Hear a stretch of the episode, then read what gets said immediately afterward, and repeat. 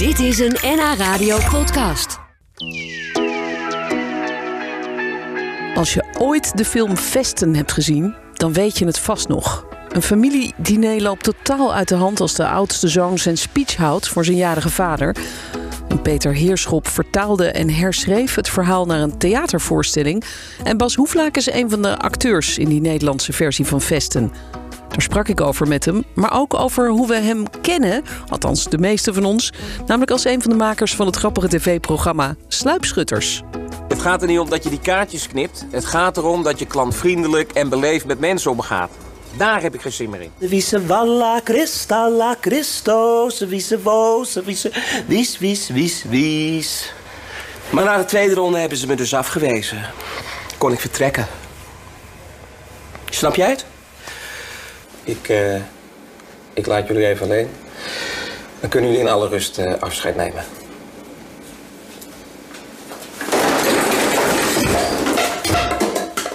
Oeps! Bas, wat gebeurt er ook alweer in die laatste eh, scène? Ja, daar staat dan een familie aan een, aan een sterfbed. En de, de, degene in het bed overlijdt. En dan zegt de verpleegkundige van... Nou, die koppelt de machines allemaal af. In het ziekenhuis is het. En dan, eh, dan eh, zegt hij... Nou, ik laat jullie even met rust. Dan kunnen jullie... in- Of ik laat jullie even alleen. Dan kunnen jullie in alle rust afscheid Rust, nemen. ja. En dan, eh, dan draait hij zich om en dan struikelt hij over allerlei dingen. En dan dondert alles helemaal om en ondersteboven. Nou, Ja, dat is wel een klassieker, moet ik zeggen. Want het is een Ja, van mijn favoriete scènes van de sluipschutters. Ja? Ja, ja het was een one-taker. Hij, hij komt volgens mij uit het eerste seizoen. Eh, maar, ja, het was wel een, een, een ouwtje, ja. ja, maar. Het, was, eh, het was gewoon eh, leuk om te doen. De regisseur was heel streng, was die. Van tevoren, want eh, Leo en eh, niemand mocht in de lach schieten natuurlijk. Ja. En dat is dus toen gelukt ook. Maar dat Ja. lijkt mij het moeilijkste van al die scènes die jullie doen. Ja. Je moet niet in de lach schieten. Want de grap is juist dat jullie heel serieus en Ja. heel droog blijven. Precies, je moet wel echt droog blijven. Ja, je moet wel echt je rol spelen. maar ja, dat is af en toe een beetje moeilijk. Vooral voor, eh, ik noem geen namen, Leo Alkemade. Mocht hij zitten te luisteren, Leo. Je naam is niet genoemd. Maar, Nee. eh, maar het lijkt me wel heerlijk om te maken, dit programma. Hoe, Ja, hoe- het is echt geweldig. Het is gewoon... want je doet het met z'n vijf. Nou ja, misschien zijn er eigenlijk nog meer mensen bij betrokken die... Nou, we schrijven met z'n vieren. eh, en dan schrijft iedereen los van elkaar thuis eh, scènes. En dan komen we bij elkaar. En dan is de regisseur erbij. En dan gaan we lezen. En dan valt de helft meestal af. Ja, toch wel? Ja, de, dat is lekker frustrerend. Maar eh, Heb jij het hele weekend zitten ploeteren? ja, En dan eh, werkt het niet of zo? Nee, dan werkt het niet. En soms weet je het van tevoren al wel dat je denkt... en dan lees je hem toch maar voor. Want ja, je moet ook met materiaal komen. Ja, ja, Maar eh, ja, dat, het, is wel, het is wel te gek, ja. ja En, heel mooi. eh, dus dan zitten we met z'n vijf inderdaad. Ja, Ja. met die lezingen. Nou, het seizoen is nu net weer voorbij, maar Ja. eh, komt er wel weer een nieuwe eigenlijk? Nou, de- we zijn ermee bezig, ja. Eh, het is altijd even afwachten eh, hoe, ja, wat Ja, ze zeggen bij de maar omroep, zeg maar. Maar ik denk het eigenlijk wel. Toch, ja, ik kan me bijna me. niet voorstellen Nee. dat dat niet doorgaat. Ja. Maar goed, intussen sta je dus ook in het toneelstuk Vesten, naar Ja. de film Vesten. Een hele heftige film, daar gaan we Ja. het zo uitgebreid over hebben. Vesten is een, een toneelstuk met een heel serieus thema. Ja. Kun je daar toch ook wat van jouw humor in kwijt, die jij hebt? Nou, zeker, want ik speel. eh was, ze hebben het twintig jaar geleden ook opgevoerd. En toen was eh, Piet Reumer eh, speelde de vader. En toen speelde Han Reumer de oudste zoon. En Han Reumer speelt nu de vader. En Vincent Croiset speelt nu de, Ach, ja, de oudste zoon. dus dat is wel heel grappig, ja. Eh, ehm, ja, en ze hebben het twintig jaar geleden opgevoerd. En nu hebben ze het er weer uitgehaald. Ja. Oh ja, dat, dat wou ik zeggen. Ik ben eh, de vervanger eigenlijk, of ik speel eigenlijk de rol die Joep van Deudekom toen speelde. Twintig jaar geleden? Ja. Oh, En die, toevallig was hij op de première er ook. En die zei, oh wat leuk om te zien, want nu heb ik eindelijk mijn eigen rol kunnen zien. En ik dacht dat het een klein rolletje was, maar het is helemaal geen klein rolletje. Het is een heel belangrijke rol, want hij brengt namelijk een beetje lucht in de hele voorstelling. ah, Want het thema is natuurlijk hartstikke zwaar. ja. Het is een zwaar onderwerp, seksueel misbruik eh, in een, binnen een gezin. Eh, nou ja, en omdat dan, dat daar dan toch nog heel veel gelachen kan worden, dat is natuurlijk wel bijzonder eraan. Ja, ja, en dat is ook natuurlijk jouw sterke kant. Je bent, je bent ook van huis uit cabaretier. ja, ja. ja. Ja, ook, ook acteur. Of hoe zie, zie jij jezelf? Nou, ik zie me nu wel eigenlijk meer als acteur. Eh, freelance acteur. Nadat ik gestopt ben met Droog Brood, dat was in 2016. Samen, zijn cabaret duo was dat met Peter van der Witte. Ja. Eh, ben ik gewoon eh, gaan freelancen als acteur. En heb ik bij het Theater Rotterdam gespeeld. En al, gewoon allemaal losse producties. Ja. En eh, dat gaat eh, tot nu toe hartstikke goed. Ja, en dus op tv, leuk met het eh, programma Sluipschutters. Maar nu Ja. een, een eh, wat andere setting, een toneelvoorstelling. Ja, ja. Eh, eh, toneelstuk Vest. En ik kan even een klein stukje laten horen. Ja, maar nee, maar hier, alsjeblieft. Cartagena. Hij ging naar Bogota. Bogota. Ik heb toch wat. Stop je! Hé, wat doe je nou?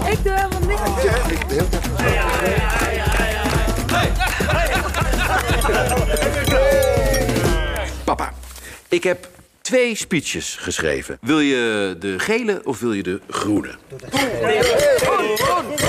Doe maar die groen. Dat is een hele bijzondere keuze. Ja, het is eigenlijk een soort waarheidsspeech. Ja, ik heb hem ook een titel gegeven. Papa gaat in bad.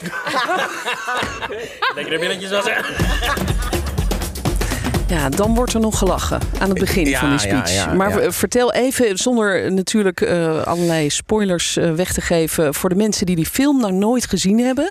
Wat, wat het verhaal is eigenlijk. Waar kijken we naar? Ja, het is een verhaal van een vrij succesvolle man, eh, Helje, die eh, op een soort landhuis, groot landhuis woont. En 70 jaar wordt en daardoor eh, zijn gezin eh, daar naartoe laat komen. En allemaal familieleden en allemaal vrienden. En om zijn verjaardag te vieren. Dus het is eigenlijk festen, een feest. Ja. En eh, dan... eh, Iedereen gaat lekker aan de drank. Ja, iedereen lekker, lekker aan de drank. En het is echt zo typisch een feest. Beetje chic. eh, hè? Ja, veel, Veel wit- mensen die elkaar eindelijk en, weer eens zien. Precies, dat. En dan, nou, dan gaat de oudste zoon die zegt... nou, ik zal de, het spits afbijten. Ik ga de eerste speech doen en de eerste toast uitbrengen op mijn vader. En dan komt hij inderdaad met twee enveloppen. Ik heb een groene en een gele. En dan moet de vader kiezen. Dat is al heel vreemd, van waarom.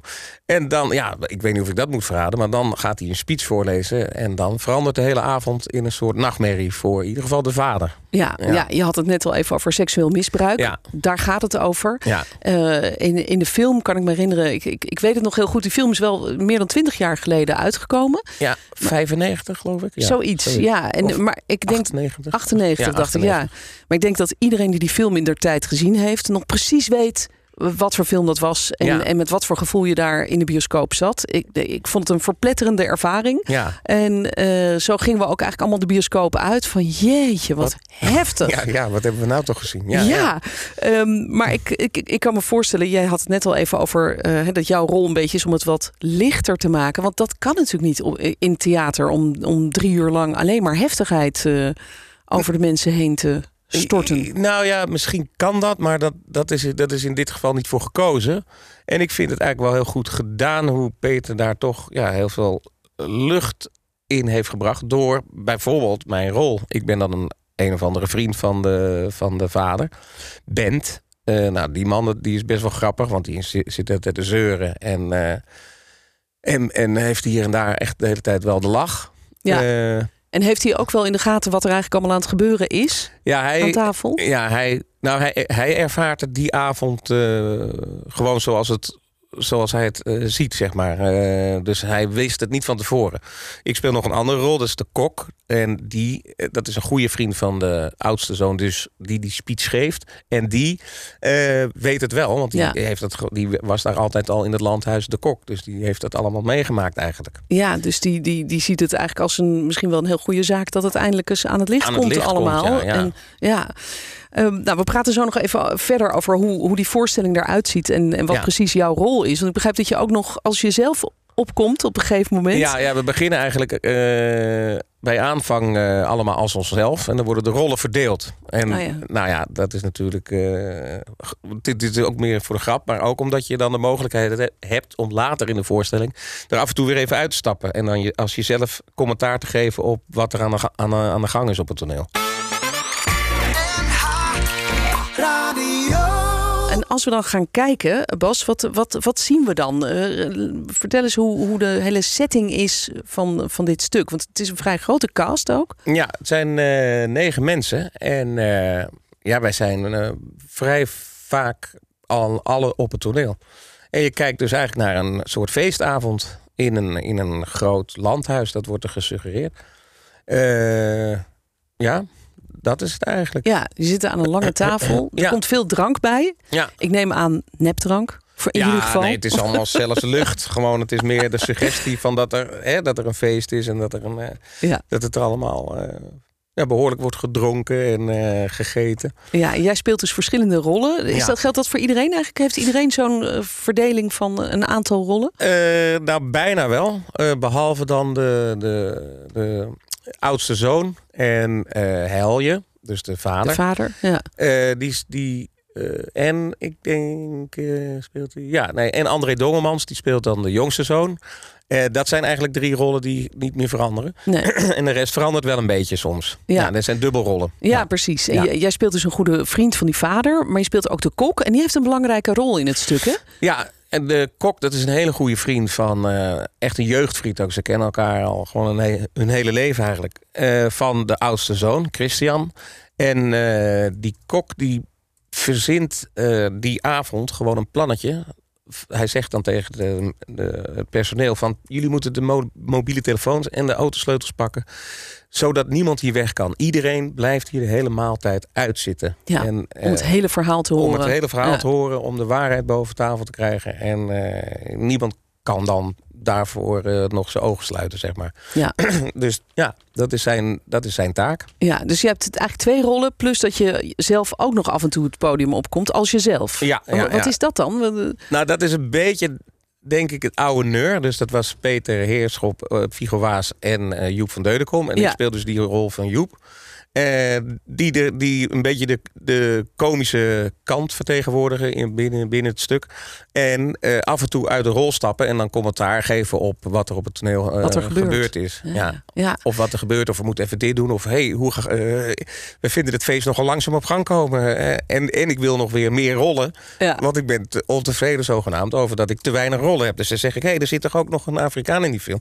Ja, maar die speelt de Figo al. Nou ja, weet je wel zo. dat, ja, ja. dat maakt het ook wat luchtiger, denk ik. Dus, Daarom, dus dat geeft een beetje lucht aan, Ja. het, aan het hele Ja. zware thema. ja. Ja. jullie hebben hem al een aantal keren gespeeld. Hoe komen mensen naar buiten? Wat hoor je terug van Nou, bezoekers? de, bezo- de, het publiek is echt razend enthousiast. Ja, dat ze het echt eh, ja, heel indrukwekkend vinden. En juist de combinatie van eh, de zwaarte en dat het dan toch zoveel door gelachen kan worden, dat, Ja. daar zijn ze heel enthousiast over. Ja, ik vind dat altijd wel knap. Want het is natuurlijk zo'n onderwerp waarvan je denkt... we moeten een beetje op tenen lopen, eh, uiteraard. En dat er dan toch gelachen kan worden en dat er lichtheid is... Ja. Dat, eh, dat lijkt me dat is een ingewikkeld evenwicht. Maar ja, dat, pakt En dus goed uit. Ja, pak nu. Ik vind het. Nou, en we zijn er ook wel een beetje meer in gegroeid, heb ik het idee. Dus we, in het begin was het misschien nog, nog iets te veel.